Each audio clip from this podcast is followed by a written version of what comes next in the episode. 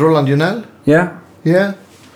Yeah. We had, yeah, I But he he's more he's uh, almost fifty percent Swedish. Yeah, he's from yeah. from uh, Jeppis, from Jakobstad, so he's Yeah. yeah. Yeah, was- yeah, I, were- I, I, talk, yeah. I talked to Harry. He was supposed to be here. Uh, Harry Koski from yeah, yeah, yeah. Math Professor. Math okay, professor. yeah. But I, I, I haven't heard from him. him. I don't think he'll he'll be coming. okay. No, I haven't seen him today. So no, okay. I- No. Sebastian told Next me he time. was- Yeah. Yeah, we. I would have many stories about Harry. Yeah, we, we yeah. traveled to a lot of shows together. yeah, yeah, yeah. Yeah. Who uh, slept in the same bed with him? yeah. Oh, yeah. Like you got like a double You want bed. do you want details? No. no, we, we, we built a barrier of guitar cases between us. yeah. So so he so he wouldn't accidentally spoon with me. I like that. That's so much fun. okay. we wake up with a pedal between. Uh, yeah, yeah. Uh, yeah.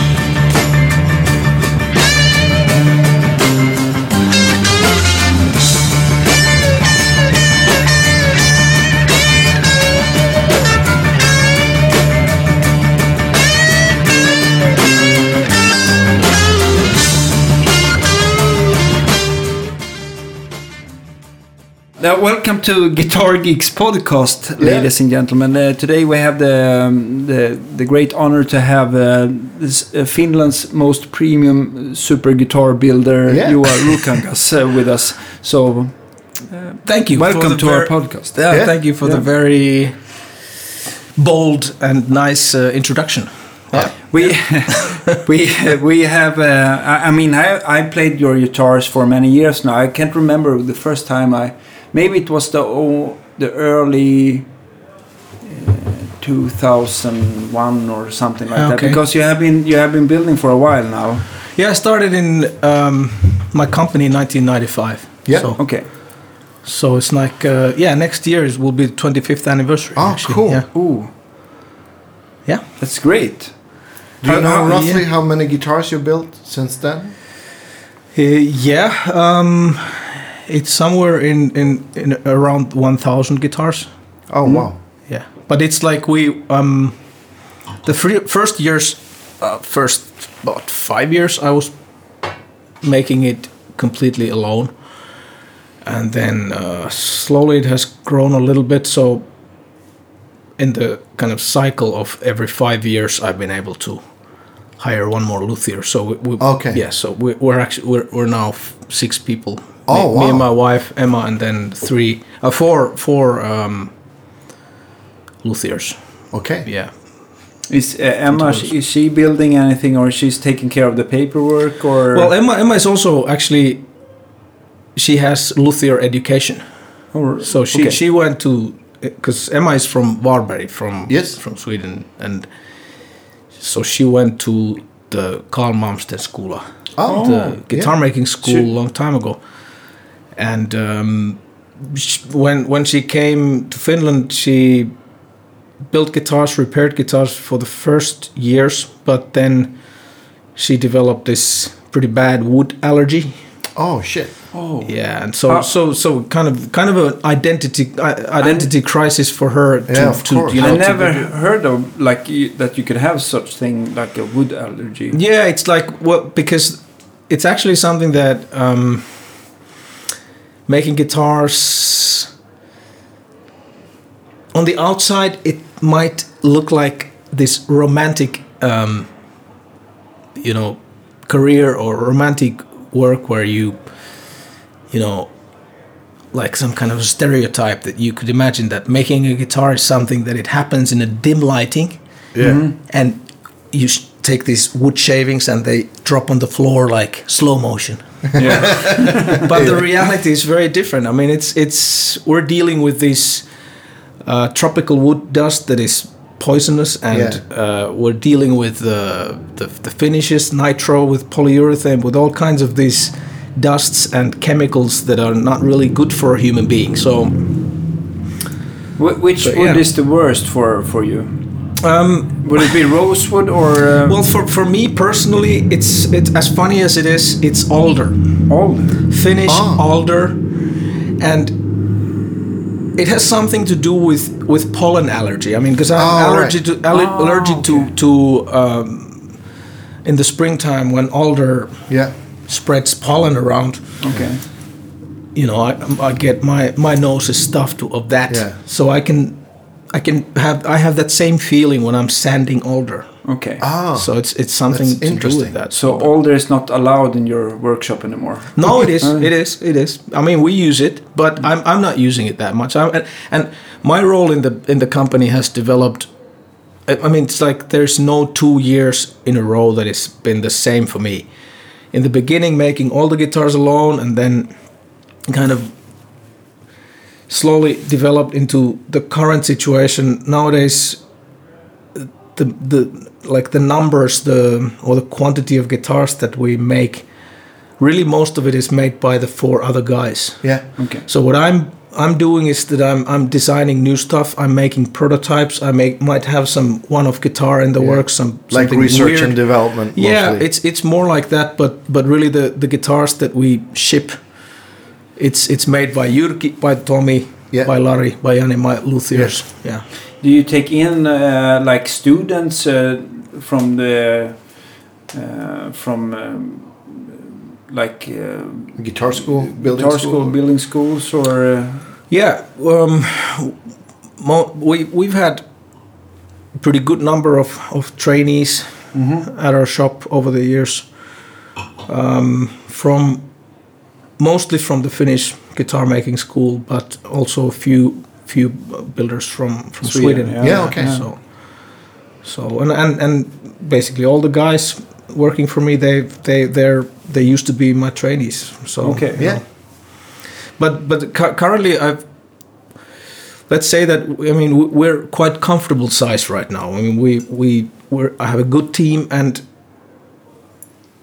and it's a very special team. I mean we're very very kind of close knit together. Yeah. you know, and we know everybody knows everybody very well. And I'm kind of thinking right now that maybe this is it. But maybe we don't want to grow the team any bigger. I mean our our workshop is located on the countryside in Finland, and um, if we want to grow more, we would need to make some really dramatic changes too. So I'd, I'd rather maybe keep it like this because it's it's also um, we were never a factory. I mean, it's even if we are a team of builders, we don't do any serial production. So e- every instrument is made by one guy. Yeah. okay. So it's like Oh, one so guy. you don't have like you, Stations you, or- uh, like No. one guy is doing all the fretwork and No. the other one No. is doing all the finish. Uh, No, work. one. You know, if I I got I give these like orders or the the spec sheets of orders for my guys. You know, you make this one, you make this one, and so so one guy makes one guitar or bass from scratch till the very end. Was it was it hard for you in the uh, from being alone that you uh, that you get an empl- employee that that uh, gonna uh, make a guitar and put your name on, you know, to Yeah. lose the control a little bit? Or Well, how well, did that I, feel? I don't know.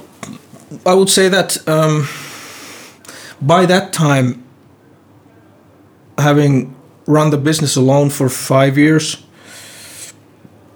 I felt I was very ready for that. Yeah. Okay. Maybe it was a mean, I- relief to get help. Yeah, I think Yeah. so, and and and also, I never was the kind of such a like a loner that No. I would want to work alone. So I I think it was really a relief in some ways, and at the same time, it felt very kind of a natural development because. Um, well, like we already discussed, that I've had these trainees coming from the guitar making school, and so it just happened that this this one guy came in as a trainee for a few months and um, we kind of hit off really well together so so that I, I felt that this guy is really somebody I'd like to work with and um, so the kind of the, the stars were aligned right and the, the right time right place and then Jyrki was interested in, in, in working with me. I think that the it's really difficult to find people. I mean, if you think like the the um, normal way of growing beyond being a one man shop, Yeah. the normal way would be to have a helper to Yeah. do sanding or to do fretwork Yeah. or to do this and that, and then you hire another helper and another helper, and you kind of drift from being um, a luthier. You drift into a situation where you are a, a tiny little factory Yeah. Meaning that serial production was always it was like with with the the Ford motors and everything. I mean, Yeah, yeah. serial production has been a way to make faster, cheaper, Yeah. more effective, Yeah. and and also one of the key elements of serial production has always been that um, your employees are easy to replace Yeah. because you give them just simple tasks Yeah. So that when somebody drops, you take a new guy to replace the the, Yeah. the old guy. Um, but the, the the the other side of serial production is that, and I, I mean, it's true. It's it's fast, and you can produce more Yeah. Yeah. for sure.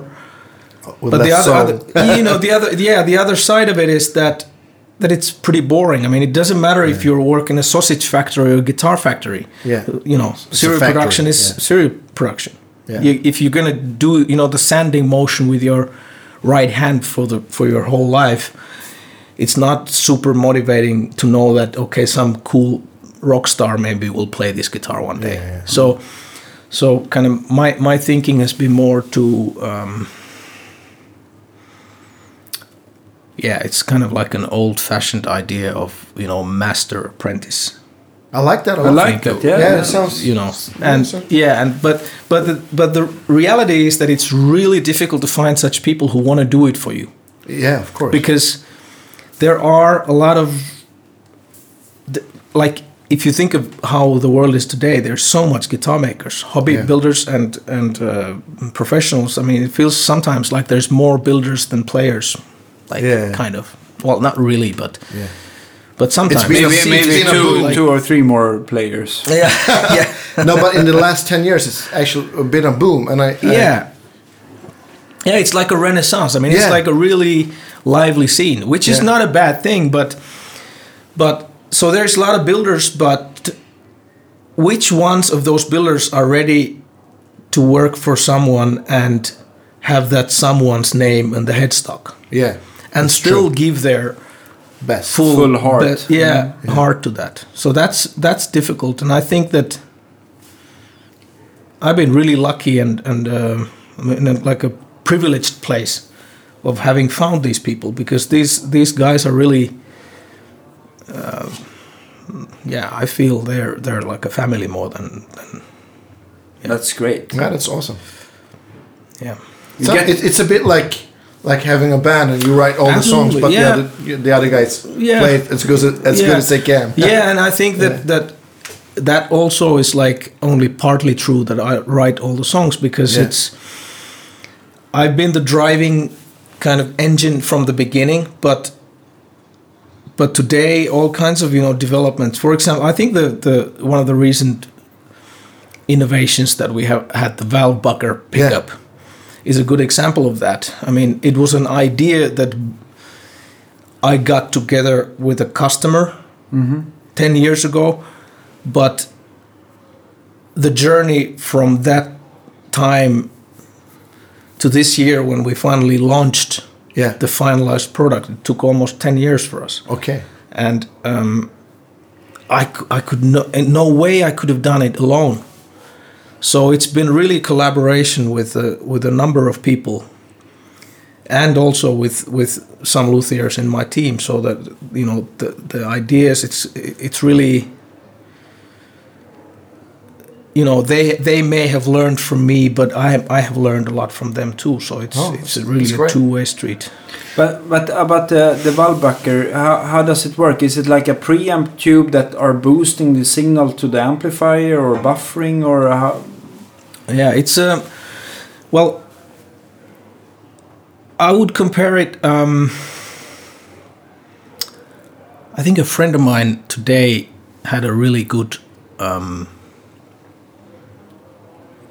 like a figure of speech of what it is. Yeah.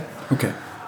Nikolai Schneekloth from Vintage and Rare. Yeah. He because when we were discussing about the the quality and the features and the sound of that, 'cause he had just been playing playing the, one of the Valvebucker guitars at our booth, and he said that it's kind of like when you when you're a photographer, which I mean he's a photographer, so he was comparing these that it's kind of like when you're playing Valvebucker, it feels like you're looking at the raw image Ah, and not cool. the JPEG. Okay. Yeah. So there, it's it it feels like there's so much more nuances and so much more information in that Yeah. sound. So okay, so another another comparison that makes it kind of understandable what is the Valvebucker is kind of like there's there's a lot of um, misunderstandings about it.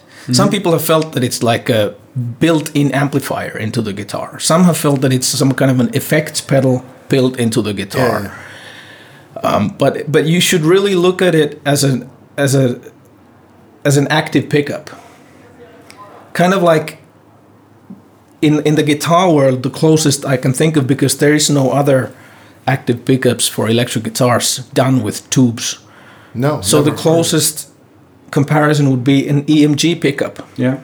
in that regard and there are some similarities between an emg But it pickup doesn't and sound like it doesn't EMG. sound like that at all but but there are some technical like if you think of it um, well i will tell another example which is pretty telling i think so if you think of studio technology you think of um, like a dynamic microphone Yeah. like a vocal microphone like i don't know like S- shure sm58 Yeah. Yeah. and the type of microphone it is it's reliable it's rugged it's really simple it's it's passive it doesn't need any like power source like that you stick but it, into it, your It doesn't drive the cable that good, like a. a no it doesn't pickup, it no. doesn't drive the cable that good and if you want rec- to record let's say human voice in, in a studio if you want to record human voice so that you capture everything Yeah. you don't do it with a dynamic microphone like that because it, it, it shapes the dynamic microphone already in itself because of the technology it's made it's it's made with it's Yeah. it shapes the sound a lot Yeah. It has. It has. it has its own Yeah. sound Yeah.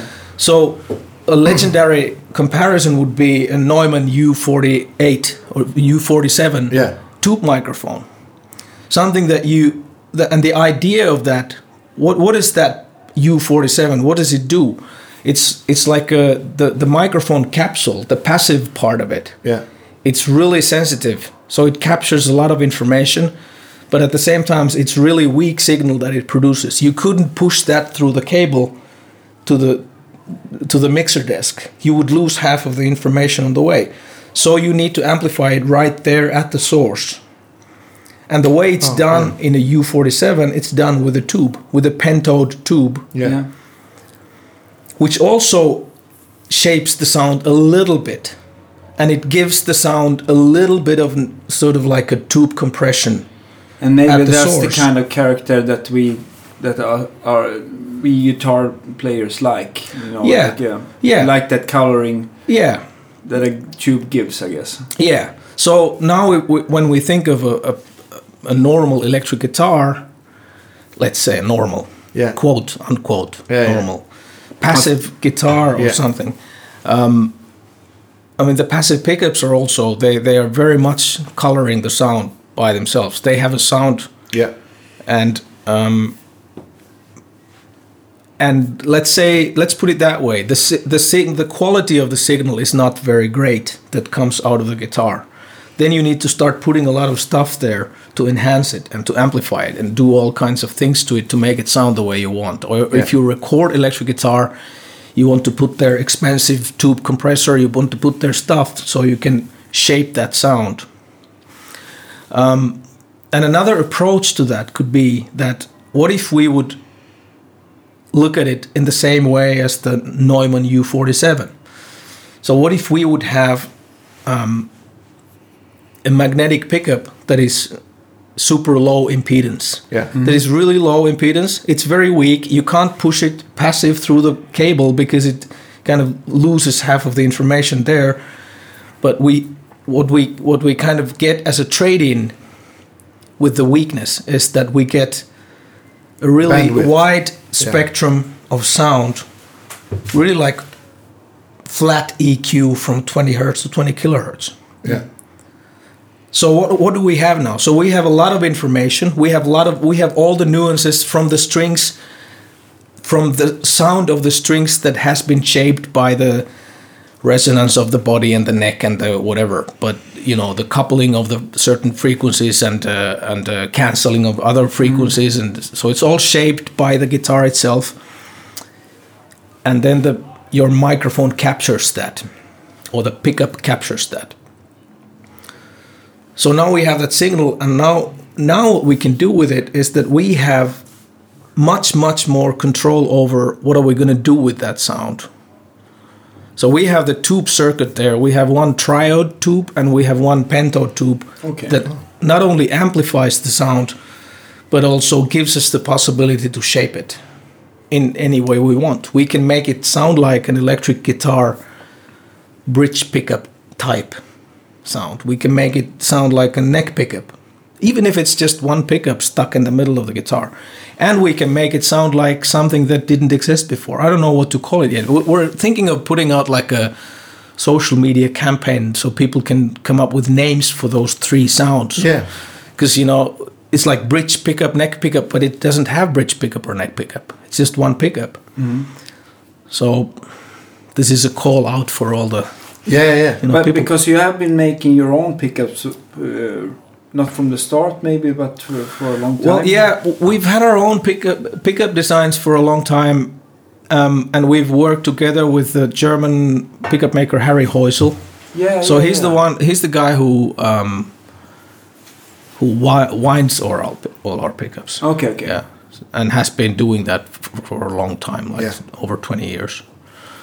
So yeah, so um, so this is just uh, like I'm thinking the the Valvebucker is um, it's not trying to replace anything. It's a new approach, and it gives like I think it's confusing to people for a lot of reasons, but you know anybody who tries and plays the Valvebucker, it's kind of I, it's funny to notice how people like the sound, and at the same time they're very often very confused, like kind of like that. Okay, so um, it sounds really great, but what is it? Because it, it it's really David Torn, Yeah. an American guitarist, Yeah. like an avant-garde jazz He does a lot of a lot, yeah, soundscape stuff. And he's also pre- played on David Bowie's albums, and he's Yeah, he's done a lot of stuff. Um, he, I met, well, I, I know David from from years ago, um, but we actually met uh, last January at the NAMM face to face for the first time. Oh, cool. And David had heard about the pickup. He came to our booth at the NAMM and um, and tried it. Um, and he was really fascinated about the sound quality, and he was like saying that this is so inspiring that I I want to try this at, at the Fryette booth because he was demoing for Fryette All right. amplification, and and so he actually ended up uh, borrowing one of my Valvebucker guitars for the whole Saturday, and he did all the demos there with that. And when he brought the guitar back, he was like saying that it's so rare that he was kind of congratulating us that we came up with a new sound. Yeah, yeah. yeah. That it's like a, a new sound in the way that it's genuinely a new sound that doesn't want to doesn't try to sound like one of the old sounds yeah. and and that I think really captures what it is. It's a new sound, Yeah. and when you put it out like that, it's kind of like I realize in an instant that that is that's a big possibility for us, but not only possibility, it's also the challenge because if it's a new sound, who's gonna want it? Who's who's gonna need a new sound? Everybody wants a Strat. Everybody wants a Les Paul. Who needs a new sound, anyways? I mean, if Yeah. it doesn't f- fit into one of your familiar boxes of your Les Pauls and your Tellys, Yeah. who is it for? So, But but uh, if if you compare it, if you take your Valvebucker and Yeah. compare it to a Strat or a Les Paul, could you say something about do you get uh, more of that, or I mean, you, I, Yeah, uh, yeah. you get more information, but it sound more like a Fender or Gibson, or Well, it has so people it, understand. it, it has familiar elements of both. okay, I mean, it's kind of like the pickup in itself. It's a humbucker. okay, mm, but it really has dynamics of a single coil pickup. It has like super dynamics. So Yeah. so when I said earlier that there are some similarities to an EMG active pickup, but regarding dynamics and the kind of like liveliness of it, the Valvebucker is an absolute opposite of an EMG pickup. Yeah. So it's an active pickup that has this super dynamic range and headroom and kind of this cloud of sound. I don't know how to describe it. Hmm. It it just sounds big and and you you can hear so much nuances in it. And yet it's still kind of like very familiar. But i i, I it's we can make it sound like with um, what we're doing with the tube circuit is that we can do these kind of sculptures of it. Yeah. so we, we, we can voice it in a different way. So one of our sounds that we have there now it's kind of it's made to sound like a classic you know paf bridge pickup mm-hmm. like. Mm-hmm. But at the same time when you dial it down a little bit you can all of a sudden make it sound because if, if you if you look at the the frequency response of a of a PAF mm-hmm. bridge pickup and you compare that to a telecaster bridge pickup they're not that far from each other. The difference is in the dynamics but you could i mean they're actually not so far Yeah. Sound wise the dynamics is different because the telecaster pick, pickup is, is single coil and the PAF is, is a humbucker that compresses the sound more. But there are those same elements and and we can, that's what i mean with the that the, the valvebucker that we have so much more control over it. We can make it sound this or that or mm-hmm. that or and now we have the kind of I don't know how to call it the first generation the mark one Yeah. is ready but the, this technology gives a lot of possibilities i'm i'm kind of fantasizing about the future that Yeah. you know so maybe yeah, maybe may- you can voice it like a lot of different ways, or Yeah, yeah, and I'm I'm thinking that you know, really like a kind of some kind of a future prospect for us would be that you know maybe maybe this could be the niche that that is our thing that you know maybe we could focus more more and more into this in the future. Perhaps time will tell. I'm I'm not holding my breath. I know how. how I tried it works, briefly, and and uh, and it was uh, one sound that sounded a lot like like a like Yeah. a humbucker, and there was one sound that was super open and had a lot of uh, dynamics and a lot of overtones, but it didn't sound like shrill or thin. Yeah. I was quite astonished. I I, I played it for like one and a half minute, but it was Yeah. really I ha- something I, have to never heard by. before. I have to pass by You tomorrow have and to try, try this. Yeah. Try it. Try it because this is the sound that you're now describing. It's the kind of the third voicing that we've made. Yeah. uh, which is the most unusual of them all. Yeah. It's it has the kind of percussiveness and the kind of the the dynamics of an acoustic guitar. Yeah. Like so you would feel that that where's the piezo bridge? Yeah. It doesn't have a piezo bridge. It all comes from that same No, and it didn't have the piezo quack. no, thing. and it doesn't have the No. shrillness of that. no. So it's there is something very fascinating about it. Yeah, But at the same time, it's not trying to replace anything. It's I would say that you know who is it for? Well, it's not for most players because most players don't want anything new. They want the old. Yeah, yeah. So what? Who is it for? I think the Valvebucker is for those players who are on the lookout for new ways of impression and y- you know and um, and new ways to express themselves. And so I'm I'm always kind of concluding it that uh, that what is the guitar for? Guitar is for making music. Yeah. You can collect them, sure. You know, you can have it them as you know fallistic symbols Yeah. or you can you can use it forever for whatever purpose but the but the true purpose of a guitar is to make music Yeah. and at the end of the day for certain kind of players there might be songs lurking in the Valvebucker guitars Yeah. that they couldn't find otherwise. Because how often have you heard that? I mean, people come to you, players come to you, and they are like, you know, this guitar inspired me to compose that song, and this guitar, Yeah. you know, made me feel like play like this. So it's it's often the the guitars are sources of inspiration for musicians. So I'm Yeah. I'm just this is just one new tool, Yeah. and time will tell what it what is its place. Yeah, I, I was also thinking about how do you run the system? Is it is it that you have a second cable, or is it all uh, run by batteries, or uh, there is um well it's tube tech so we could run it with batteries um, so you would have two options you would have to replace the battery every five minutes or or that's you a, could that's a that's a long solo.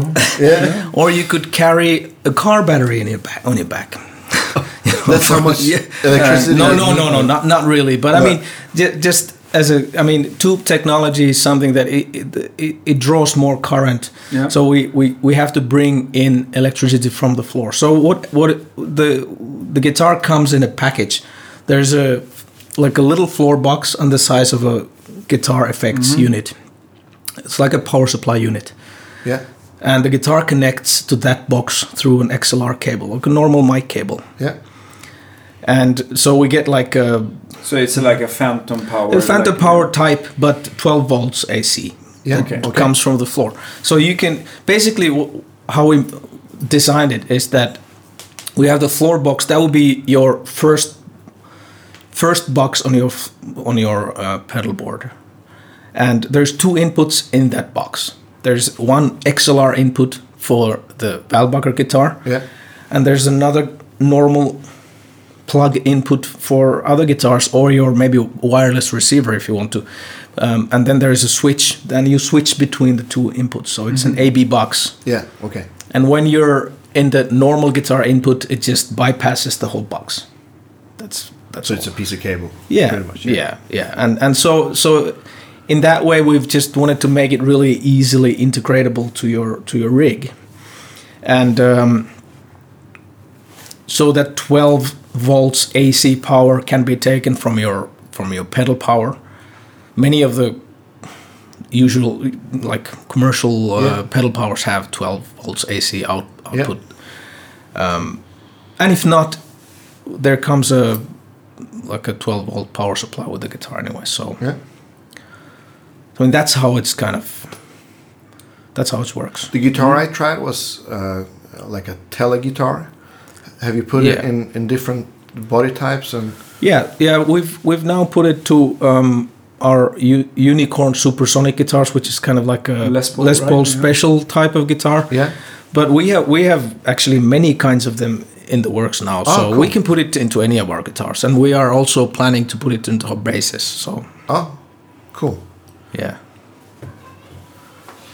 So how, how I'm curious. You said you hired your like first help it like after five years. Mm-hmm. How was the first five years? I imagine like b- building a, a a guitar company from scratch must take a lot of time and probably traveling and guitar shows and yeah. It, I think the the more kind of international, the first steps to to making it international were towards because I started in 1995. So so the first show I ever went to was in year 2000 yeah at Frankfurt. yeah So um, the first years was I was repairing guitars a lot, yeah um, and I was designing my first model, which was the, the Duke, and um, which got re- I got ready in 1997, and then um, then I was fortunate enough to to be able to I, I sold one of the very first pieces to Jukka Tolonen, yeah yeah. if you remember him, a Finnish Yeah, I played with Yeah, him once. I, j- I uh, was Oh, on a cool. jam session with him, Yeah, so I've been on the same stage. Okay. that's something. Yeah. Yeah. I'm happy. Yeah, so so I mean that was Jukka bought one one of those guitars, the Duke, in in 1997, and um, this was very important step for me in a way that that before Jukka bought that guitar, I was known as maybe the best guitar repairs guy on the west side of my town. Yeah.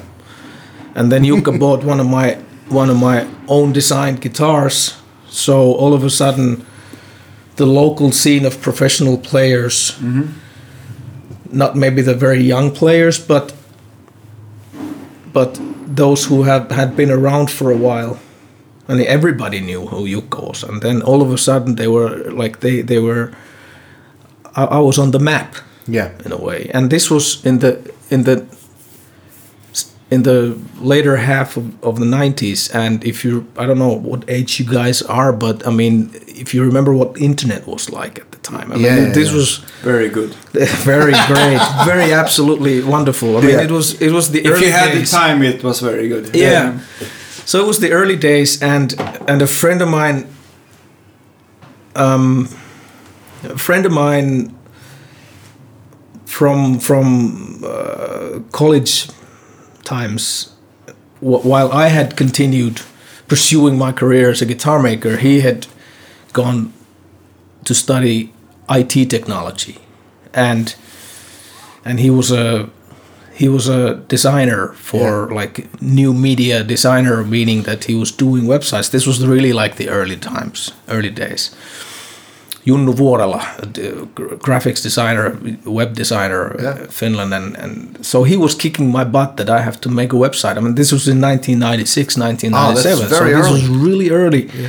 And so I make a website on my own. I didn't have money for to anybody have you know to make it for me. So I made a website, and after selling guitar to Jukka, I put it on the front page. Jukka Tolonen plays Ruokangas guitar, and um, a little while after that, I put out press releases.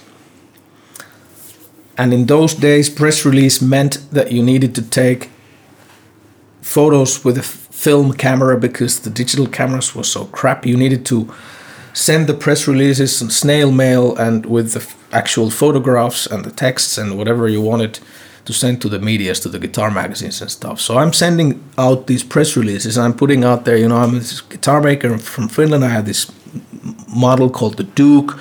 There's a player, Jukka Tolonen, plays this guitar. And then at the bottom of it, I put my website address, ruokangas.com. And the next thing I notice, magazines start publishing it. Guitar Player, Guitar World, Gitarre und Bass in Germany. Yeah. And everywhere I sent it, they publish it. And often they would put it out as like a little bit, uh, as like a little story. And the headline of the story would be often, there is a guitar maker in Finland who has a website. So this was the story. Ah, So the website was the story because nobody had websites. Yeah. You know, I don't think Fender had a website at the time. No. So this was really something that I never thought of it like that. But I was one of the early adapters of internet and so I think that that was one of the like thinking of you know selling guitar to Jukka Tolonen was one important thing. Yeah, yeah. But another very important thing in the early days was the fact that we just had the website. Yeah. We couldn't do that anymore, but it just tells how the world is, you know, in the right time, in the right place. You do something different, you get noticed, you get visibility. So those were the those were the first steps and and then leading to the actual more active efforts in making it internationally. That started in the in the in the end of the 90s and and this was at the same time when I um, had my first uh, first luthier already kind of apprenticing to me and and starting to work for me. And um,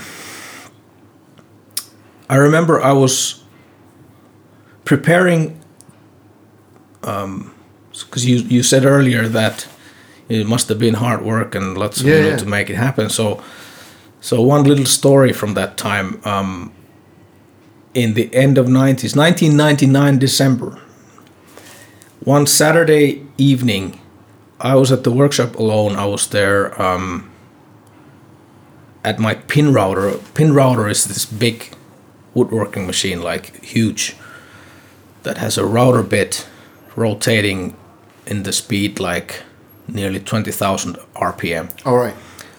And you use it for cutting bodies and cutting necks and doing all kinds of things. So I was cutting their um, necks. I was thinking, yeah, I will just cut one more and then I go home. And then, you know, I was too tired. I shouldn't have been working anymore. Uh, I should have quit already earlier that day, but I was just stubbornly preparing my guitars for the first Frankfurt Music Messe that would take place in four months. And then something happens with the machine. There's like a pin that um, controls the the template. It kind of like uh, guides the template the right way. So something, I was tired, whatever. I had maybe tightened it badly or whatever. So the pin drops away, and there's this electric shock-like feeling. Split second, and I pull my hands out, and I notice that my left hand thumb is there on the table. Oh. So so I, I cut so I cut off I cut it off and I was like, like this this is not happening. This is impossible. I'm staring at that end of the bone of my thumb. And I'm like thinking that, you know, this is not happening. This is this is a dream, like a nightmare. Yeah. And okay, then I'm there like in this kind of shock feeling and there's no blood cuz you know, when your body goes to shock, Yeah. your your blood circulation somehow blocks that you don't even bleed for the first minutes and so i kind of grabbed that piece of thumb in my fist and and put some paper over it and call an ambulance and okay so then fast forwarding a few hours um, after they put a shot of morphine to my butt and and uh, you know i'm there momentarily thinking that yeah life is good. Life is great with the morphine. You know. So and a few hours later i wake up after the operation and i'm there sitting at the doctor's appointment. And the doctor is there like um, saying that yeah we could we saved what we could and it's gonna heal and so on but now you need to take it take it easy for a few months so three months don't use that hand and i'm there sitting at the doctor's appointment thinking you know fuck i have my frankfurt music messe coming Yeah. that's in four months. And now this. And then the doctor is, but yeah, look at the good sides. It was your left thumb. I'm thinking, yeah, I'm left handed, man.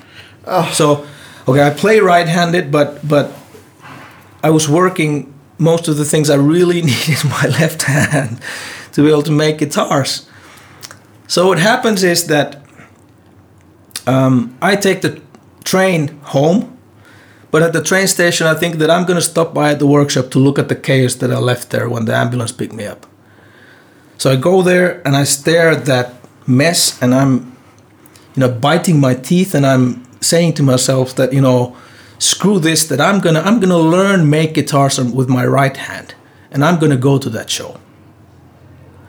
And this is what I did. I, I really seriously I um, learned you know doing fret dressings shaping necks everything with my right hand and i went to the frankfurt music messe with six guitars and i That's sold a guitar i sold a guitar to mick box of uriah heep Yeah. and i got my first european dealers so i mean talk about being stubborn Yeah. Yeah. yeah. yeah. And if we want to go one notch deeper into the story, um, you know, it's uh, if this story would be told by my first wife, it would have a little bit different flavor to it. You know, there's that father who was never home. There's that husband who was like always working. Then he, you know, injures his hand, and the doctor tells him to take it easy for a few months. And what does he do? He just Works, works even like harder. more, like twenty four seven. He just that this is a crazy person, and uh, obviously that was uh, telling about you know the balance of life. I wasn't really very well in balance with my life at the time in the way that I was. I, I would say that guitar making in those years it had become somewhat of an obsession or addiction or whatever that I was really living through that Yeah. to a point where in the same way as as alcohol can be you know that it just blinds you from seeing other things that you just kind of keep on pushing it like that. And uh, yeah so it, it kind of helped me through some obstacles and on the on, on other paths of life I wasn't succeeding so well. So this my first marriage ended a few years, few few uh, years later, and uh, since then I've kind of you know after uh, remarrying and uh, forming a new family, Yeah. I made a little bit different kind of choices Yeah. and and slowly learned um, that actually in the long run if you really want to keep on being good at what you do th- th- there, you also need to have some kind of a balance because i Yeah, I- otherwise I you would- burn the candle in both ends. yeah because I would I would really say that if I would have continued very much longer on that route Yeah. that I was, I mean, I, I don't think I would even have a company anymore. But uh, yeah, so there's the always sides to things, you know. Yeah, yeah, yeah. Of course.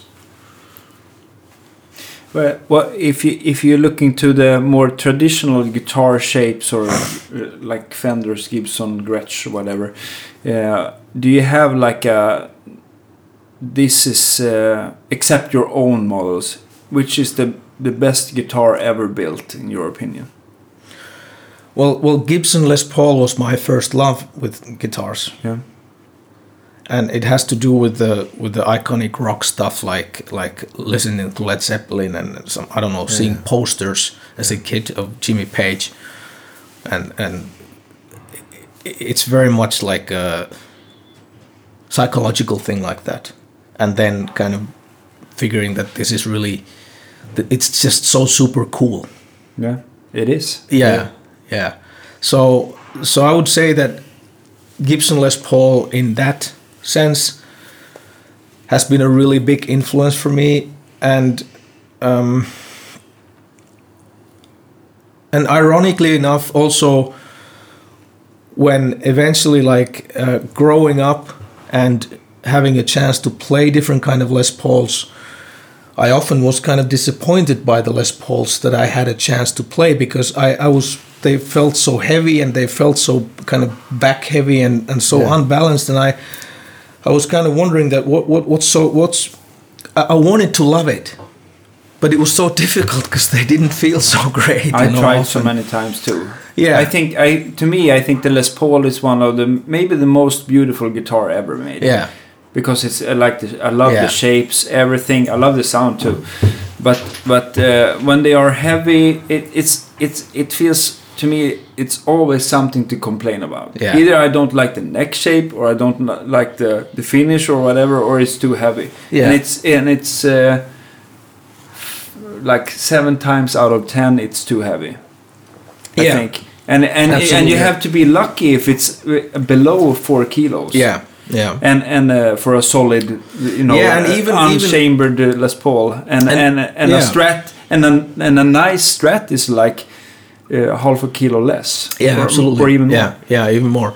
Yeah, so I, I, I was really struggling with this, and I, then and really wonderful eye-opening experience was me during when I was studying to be a guitar maker, and our teacher took us uh, to visit, kind of like a field trip to to a collector's home, who had a number of uh, vintage, valu- valuable vintage instruments and we were there for a specific purpose. We we went there to study Gibson Les Paul because he had this guy collector in Finland had a 1957 gold top Les Paul, and so we we got get to his place, and when I got a chance to pick up the guitar, I was thinking that wait wait a minute, this is not so heavy. What's going on? And I started playing the guitar, and I was thinking that no, this is not like the Les Pauls that I've played. This is a different guitar. This is open. This sounds rings loud, and it's like really li- alive. And then I was turned to my teachers that what is is is the, is this the, wh- why is it why is it so different? And the and the teacher was la- like laughing there out loud. Now you know. Yeah. Now you know how the Les Paul was designed to be. Yeah. Les Paul was not supposed to be that heavy guitar. It was supposed to be like these guitars, these old guitars, and not even all of the old guitars are so light and so So I have nice. felt some heavy ones too. yeah, yeah, uh, yeah. I mean, and and I have the, the there's the book Beauty of the Burst of the Yeah, old yeah. like 1959, 1958, Yeah. 60 those guitars. And when you look at the weights, one of my luthiers actually um, counted the average weight of all the all the guitars listed in uh, in that guitar uh, in that book Yeah. and the weights of them and the and the average weight of Les Pauls from the 50s were above 4 kilos Oh, really? so they weren't really I mean it's the myth and the the, the iconic yeah the 1959s like 3.7 3.8 kilos Yeah. there were that kind of guitars but not nearly all of them were like that Yeah. But obviously, I mean, th- this was for me like the um, that gold top, and I made a drawing, like a technical drawing out of that guitar, and I was playing that guitar, and this was in 1993 or 1994. It was not only an eye opener, but but an experience that then has later shaped my career a lot because I couldn't get rid of that feeling that you know this is a really cool guitar hmm. that how how is it possible to make something that has this ethos or this kind of you know wh- what kind of tone wood what kind of how can i achieve this feel Yeah. to a guitar so this is why what i kind of strive towards over and over and over again trying to understand what's going on and then out of a very happy coincidence i was apprenticing for a classical guitar workshop in finland during my uh, towards the end of my studies in the guitar making school and um, they're using a wood species called spanish cedar yeah, yeah. I saw that in your yeah some of your guitars that you're using cedar, which is quite light, I guess. Yeah, it's light. like like uh, spruce. Yeah, and they they use Spanish cedar for uh, the classical guitar makers use it for the necks. All right. It's a traditional wood used, and and and one of the reasons is that it's one of the lightest tone woods, uh, or let's say the the the relationship between the the the weight and the rich rigidity, how Yeah. how kind of It's- stiff it's- it's quite stiff, It's I- yeah, it's really stiff yet light. okay. And this is what you're looking for in guitars. Like Yeah. also in electric guitars, you're looking for for rigid materials that would be lightweight so that they are resonating like Is there Well- any downside of with Spanish cedar that it, it's fragile or hard to work with or? well uh, let's- hard to in a- finish let's say that in a, in a, when it's in a guitar and when it's ready, there is no downsides. There's only only beautiful, wonderful things I have to say about that wood because it's and this is this is a species of wood that has become one of our really like early on trademarks that we make electric guitars out of Spanish cedar. There was nobody else making guitars out of Spanish cedar when we started that. Later on, I've learned that there was one guy in, in Holland, Anno Galama, who used to make some electrics out of it. Mm-hmm. All right. But nobody wanted to buy them, so he, or I mean, he, he did sell guitars and they were good guitars. I've, I've even tried later on one of his guitars, but nobody wanted to buy guitars made out of Spanish cedar because it's it runs against the grain. It it runs against the tradition. yeah. Yeah. The Gibson Les Paul, Honduran mahogany, Yeah. Brazilian rosewood, and so on and so so so he didn't tell the customers what it is because it looks mahogany like. So Yeah. So he just made out of Spanish cedar and sold them as mahogany guitars. Yeah. and um, people loved them when he didn't tell what it is. this is our psycho, you know, guitarist yeah, psychology all over. But Um, but uh, and I can I can relate to that. I feel that in the '90s it was not so easy always to sell Spanish cedar guitars. But to your question, downsides. It smells horrible. It tastes horrible. It and tastes I- I- horrible, I- yeah? It tastes horrible. Okay. And I'm, I'm not I'm not saying that we're eating it, but when you work with wood, the dust is in the air and it goes everywhere, and, and it ends up on your on your lips, and it has this kind of super bitter taste to it that that kind of I don't know it kind of the same feeling when you get soap in your mouth. Oh, right. You don't want to put it on your food. No, No. no. And one time, it's funny because you know when uh, it was soon after Emma and I started dating. Yeah. because Spanish cedar is used in fragrances in in uh, uh, perfumes All right. Oh. because it has some kind of a distinct part of the the, the odor Okay. that seems to be like this kind of uh, aromatic odor to it. Okay. So Emma would buy me a bottle of deodorant with Spanish cedar in it. And I'm like, okay, well, this is cool. And so I go home and I shower myself and I put the thing, you know, to my armpits. And I'm thinking that, no way. I smelled the same before the shower because it's like that's how our workshop smells like. So That's very funny. yeah, so I couldn't I couldn't use it. I could imagine that it's a nice smell if you don't get overdosed by it. But Yeah. but at our shop, I, I doubt anybody would like to use Spanish cedar Fragrances. fragrances. So That's great. Uh, we, yeah, I I also tried. I haven't tried your Les Paul uh, kind of uh, model, but I I tried many times your VSOP. yeah, Yeah, which is a more like a Strat kind of Yeah. guitar.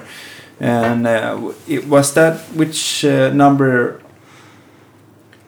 The Duke was the number one. yeah, Number two was the VSOP. okay, so it was one Yeah. of the early ones. Yeah, so the so the models, yeah, the Duke was the first one, and that was my first take on. Regardless of it, I mean, the Duke is a double cutaway guitar. Yeah. It has a it has like a to some somebody it might remind a little bit like uh, a PRS guitar. Yeah. But at the bottom of it, I mean, the the soul of the guitar is not really PRS guitar. It's it's really a Les Paul guitar in regard to the the neck angle and the feel of it and and and and the fe- and and the sound like what I was after. It was always to me it was a Les Paul influenced guitar, but more modern, Yeah. more ergonomically comfortable and things. It has a it has a cutaway on the back, and so it's it's like that. And then came the the VSOP, and then after that came the Mojo, like a tele type guitar. Yeah. And then um, in 2008, I kind of went back again to the concept of a Les Paul, and I wanted to make a more traditional take on the Yeah. on the on the Les Paul. Not to copy it, but to kind of challenge myself that can I make a guitar that appeals to Les Paul players mm-hmm. that would get rid of some of the drawbacks of a Les Paul? Can I make it more balanced on your lap? Can I make it like really nice weight? Can I make it more? Uh, can I make it stronger? Can I make the s- neck stronger so that they don't break? Yeah. because Les Pauls are famous for Yeah. Easily breaking. How did you solve that? Did you did you uh, uh, because some of the uh, most of the old Les Pauls they their grain is straight all the way even through the headstock, so you don't have that like uh, Yeah. Ibanez, Ibanez or Jackson. They are even if they have a head angle, they they glue. Yeah, they glue a different piece. Yeah. Yeah, Yeah. I, I I made something like that, but I I made it um, kind of more dramatic changes to it. I, I I also glue a piece of wood to the headstock so the ru- grain runs the right way. Okay. But I also um, installed two maple splines Okay. under the headstock veneer that kind of continue through the the glue joint All right. and then I laminate a two millimeter ebony veneer on on the headstock, and then all that is laminated by the uh, by the fingerboard. So it's like multiple laminated construction. I think there's a video I because we made Emma and I made this like uh it's called the Unicorn Video Diary. Yeah. Like a 17 episode YouTube um, like a documentary series. Oh, cool. Back We'll in link to that on 2008, our 2009. Yeah. So I think on the episode six, I stand on one of those necks. it doesn't break. Cool. I don't encourage you to stand on your guitar necks at home. But anyway. yeah. No. I- Which, uh, where, um, I, I mean, uh, there are so many different kinds of mahogany too. I mean, cedar, does it sound exactly like mahogany? Or, No. And and you can't really. I mean, that's impossible concept to, to begin with. Does mahogany sound like mahogany? I mean, there's like Yeah, every piece. Yeah. So Yeah, man, I mean, for for people are when they are coming to my guitar shop, they say, "Oh, I found this guitar is made out of mahogany," and it's yeah, it's great, but it's it's like mahogany could be so many. Di- I mean, Yeah. I guess it's like two hundred different kinds of mahogany. Oh or yeah, something. yeah, and yeah. and and I think uh, the, the Honduran mahogany is very uh, not always light, but it's quite uh, quite stiff, I guess. Yeah. And uh, and then I, the most common mahogany now, I guess it's this um, sapele, maybe. yeah, yeah. And that's not even uh, South African. No, no. It's uh, maybe African or something. Uh, and uh, I guess it uh, it uh, even if it says it's mahogany in the in in your specs, it doesn't mean that it is No. will sound like an old fashioned No, Les Paul absolutely anyway. not. I mean, Honduran mahogany. First of all, it's a trade name Yeah. for for species of wood that originates from Honduras. Yeah. Yeah. from South America, and um, it's a trade name, meaning that when Honduran mahogany um, export business was limited back in the towards the end of 60s, 70s, and uh, the availability became pretty scarce. Um, people started selling other mahoganies or mahogany related species as Honduran mahogany. Oh. So Can is it easy to tell different uh, difference, or is it uh, almost impossible? it's it's in many cases it's impossible, and in some cases it's easier. Sapele is easier to recognize because it has it like a, its own kind of a grain pattern, or it looks a little bit and, different. and the khaya mahogany, Yeah. uh, which is a really good wood, I think. Yeah. uh, it's more like uh, more pink into it. yeah, right? yeah, and and um, yeah, there's it's it's like an endless swamp, really. Yeah. Like Honduran mahogany, as said earlier. I mean, some of the the the guitars made out of the real Honduran mahogany they were not so lightweight because it's uh, has to do with about what kind of soil does the wood grow in. I mean, it's how Yeah. wet is it, or is it maybe a little bit drier? Has it grown a bit slower, and it, then it becomes heavier, and it's gonna sound different. So, so it, it's this guitar. The world of guitars is just filled with these myths Yeah. that some sometimes it's really funny because they you know people people hear something they read something from a forum and then they start repeating that that as a truth Yeah. Yeah. yeah. and yeah so I, I would say that that the relationship first of all um, when we talk about Spanish cedar, there's another funny trade name. It's a wood species that doesn't come from Spain, and it's not a cedar. Really? It's Spanish cedar, but it's not cedar. okay. The- So, the- so, the the Latin so, so the cedar that uh, uh, acoustic guitar makers are, are using for tops. No, that's a different one. Okay. Yeah, yeah. Oh, okay. You were Yeah. saying the Latin name is? The Latin name Cedrela odorata. Okay. It means uh, a wood that smells like cedar. okay. Oh, So, Spanish cedar is a South American. wood. You can buy uh, Honduran cedar. Okay. Yeah. So it become it, it comes from South America, and it's a it's not a coniferous like it's uh, cedar is like pine and spruce with the with the little spiky leaves you know Yeah. Okay. but Spanish cedar is not. Spanish cedar has normal leaves. Like it's uh, it's also a tropical wood, Yeah. like like mahogany is, and it grows in the same countries, and it is mahogany related wood. So it looks almost like mahogany. It's a bit lighter color. It's a bit pinkish, more color. Um, what really differentiates it from mahogany is, is the smell and the taste of the dust.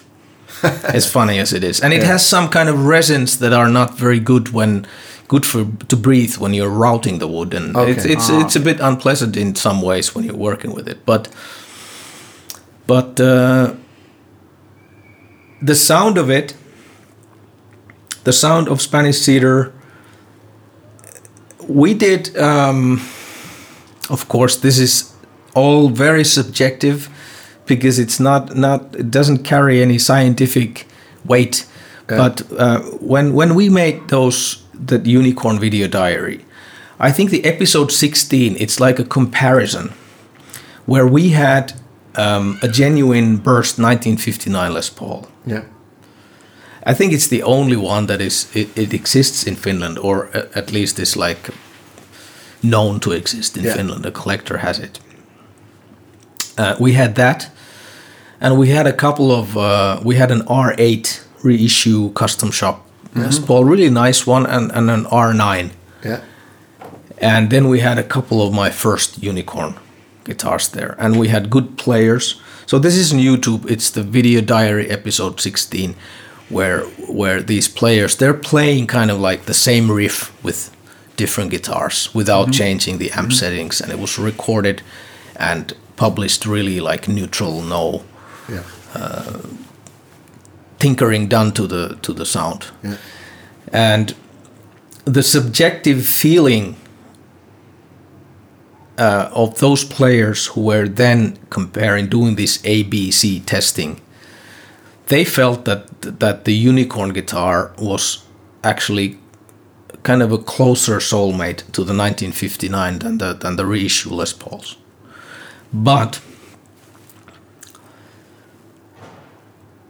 I don't know. It's it's so difficult when you start ABing something like that. Yeah. Because first of all, everybody in the room felt that that 1959 burst was somehow really special.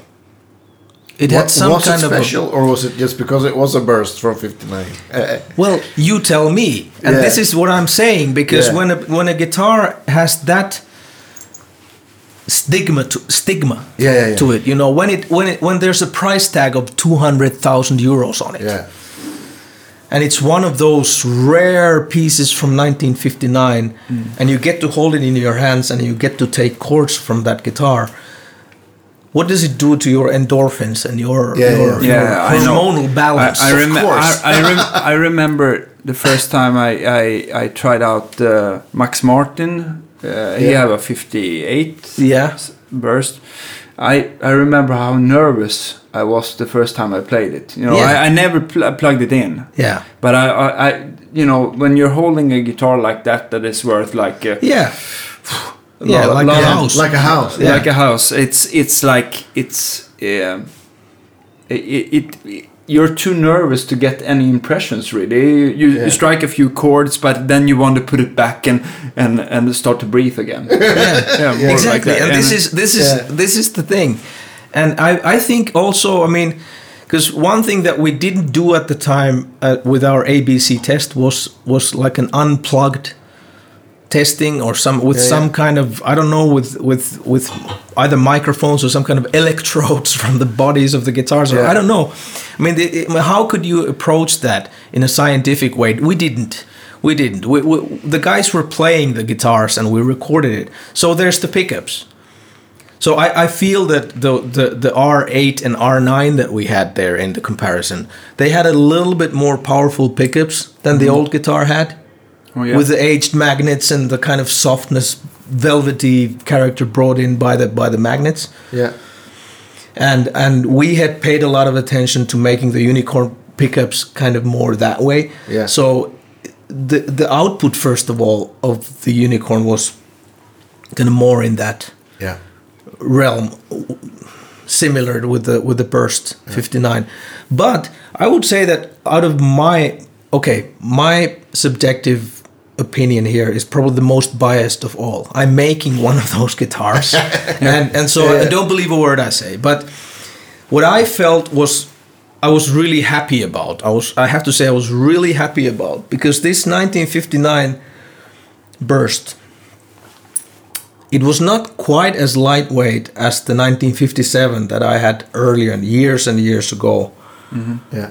played, but it did have that kind of feeling that I had. I remembered. I, I swear that I kind of felt that that yeah, this is this has some of that. Like That magic. Yeah, something. It it ringed pretty loud, and it's not Yeah. like it doesn't feel dead at all. I can feel it in my belly when I when I strike a chord Yeah. and and then something about the mid range of that guitar felt just right and the mid range i mean that's the really key element in an electric guitar i mean that's oh, where yeah, you are in totally. a band Yeah, that's what's cut through. yeah and if you don't have that right you're not gonna like that guitar mm-hmm. you know Yeah. after playing it for a while after the honeymoon is over you're gonna feel like you know if there's no not that mids coming in that guitar you're gonna move on to the next guitar Yeah. and and that's something that can't be brought in i mean to to a certain extent yes you can fine tune the sound of an electric guitar with the pickup choices but if your guitar lacks the mid range mm-hmm. if there is something in the body and the neck that kills the, the the mids from the vibration of the strings canceling out frequencies that you need Yeah. then you know if there's no mids in the unplugged sound you can't invent them with the pickup No. if they don't exist they don't exist It's so a, it's a little bit the same way with treble, I guess. If the if the if the guitar acoustic is super mellow, it's Yeah. it's it's like you don't get those overtones whatever yeah you do. You know? yeah it's like yeah like i i was doing a like this kind of harsh comparison Yeah, once yeah, yeah. like you know making a that if you make a guitar out of this like really nice dry uh, rigid piece of wood that is the right in the right kind of weight range. And it's going to resonate like this and like that unplugged. And then you make a guitar out of that same species of wood out of out of pieces that were just freshly cut and it's all wet. And it's going to sound like a wet sock. It's going to it's it just doesn't have any any highs at all. It's like totally dead.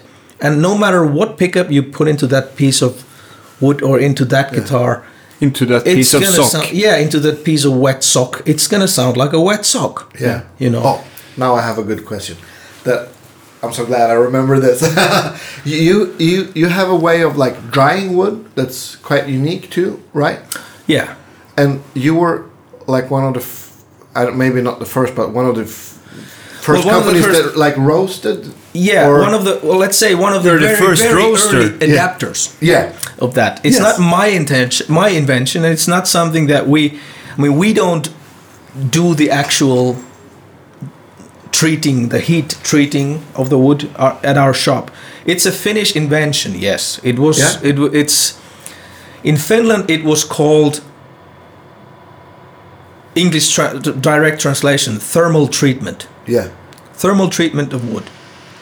And originally it was invented by a fire chief in the mid Finland and he came up with the idea that could could could he somehow use heat and um, water vapor Yeah. and to combine these to, to give the wood some kind of a steam bath sauna treatment or something Yeah. like that you know um, in order to make it uh, more resistant against decay Yeah. molding Yeah. so his point at the time was not nothing to do with guitars it was to make uh, a substitute for uh, for wooden constructions outdoors for children's playgrounds. Yeah. Non-poisonous alternative for Yeah. chemically Im- impregnated um, Wood. uh, wood. Yeah. So this was the starting point, I think, at the end of the 80s or very beginning of the 90s. And so, out of a few co- coincidences, there started like this big um, university research that how could this technology be adapted to um, to tone wood Yeah. and it was done in in uh, cooperation by technic, tech, uh, the University of Technology and the guitar making school, and especially their um, leading teacher Rauno Nieminen. Yeah. He was he was the guy. And Osmo Savolainen was the inventor, the fire chief, and there was these few guys. They were putting up this research project. What could they do with it? And and then uh, they needed um, guitar makers to cooperate. So people who would make guitars out of this stuff, and we were one of those companies, and we uh, pretty early on noticed that this is something real. It's, I mean, again, thermal treatment. Later on, as it has become popular in the North America, they call it roasted. They could call it roasted maple or or caramelized, torrefied, torref, torrefiction, or something Yeah. like that. There's many trade names to it, but it's all kind of can be trackable down to this thermal treatment of wood from Finland, and the same same technology. And um, and there's already now that it's become popular, there's a lot of myths about that Yeah. gathering up already. I mean, Yeah. it's like that it it makes the guitar sounds like you know an old guitar, and it, it's uh, all kinds of things Yeah. related to I've it. heard people saying like it, it sounds harder and yeah, yeah, all kinds of. there is all kinds of myths. For me, the the the priority or the kind of like the, the first reason or or the priority why we started using it was not about sound, not about any kind of gimmick or any kind of subjective thing like that, but it was it was to do with the the results from that university research Yeah. that found out that in a very like factual way um, after this kind of treatment the um, how do you call it like the wood doesn't absorb water anymore as much as it does before the treatment It's like the cells; they are not expanding or or uh, Yeah. they- they are. in other words the wood becomes more stable Yeah. and this is something that happens to old wood Yeah. like through seasoning, through ages, through decades. this is what happens. Yeah, yeah. It, it kind of yeah, or the kind of the, the the the moisture absorption point gets lower and lower. Yeah. So it doesn't kind of because what happens to to freshly cut wood, it's like in the summer, it's you know sucks in moisture, like sponge, and then in the in the autumn and the winter in the drier season, it it it gives it away, and next Yeah. summer it absorbs again, but not quite as much, and so on, and it keeps going on like this movement in the wood until decades later it doesn't move anymore anymore hardly at all. Yeah. So like, uh, so yeah, a fresh cut wood will be nice to build guitar out of in uh, uh, ten years or something like that. Uh, yeah, the thermal treatment. I mean, this is it's just uh, for me it was like a practical improvement that okay, if the wood doesn't move so much, I want to. Uh, you know, I want less problems, warranty problems, and Yeah, stuff yeah, like yeah. that. So I, I, I, I started. I, I really adapted that technology really early on.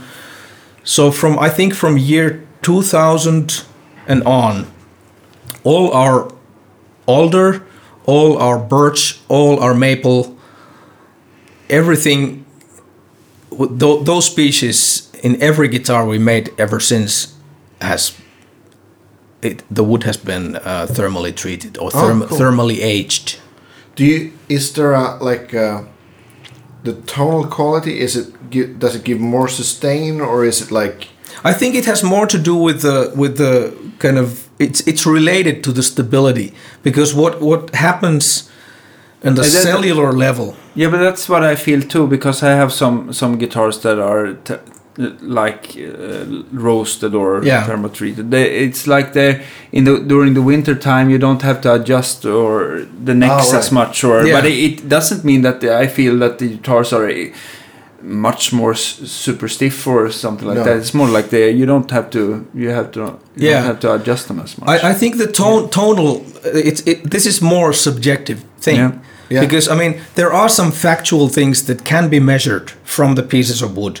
What changes with the thermal treatment? Well, one thing that changes is the sound velocity inside the wood, meaning that you are you have a piece of wood and you send a signal from one p- end of the piece to the other end of the piece and you take the time how much time does it did it take? So Yeah. sound velocity. So um, when you do thermal treatment in the right way not too high temperatures so so some of the american roasted stuff is kind of like burnt yeah it's really like dark and, and Yeah. I don't and- I don't like that look myself. yeah, uh, look is one thing, but another thing with that overly burnt wood is also that part of the cellular structure is also broken in it. It's partly burned. Okay. Yeah. So it's no, nobody can really tell what happens to that piece of wood in the next 50 years because it hasn't even you know, this technology hasn't existed that yeah long. But it's pretty safe to say that when when you don't overdo it, the effects are nearly identical to natural seasoning or natural aging. There, Uh-huh. there doesn't have happen anything more than that.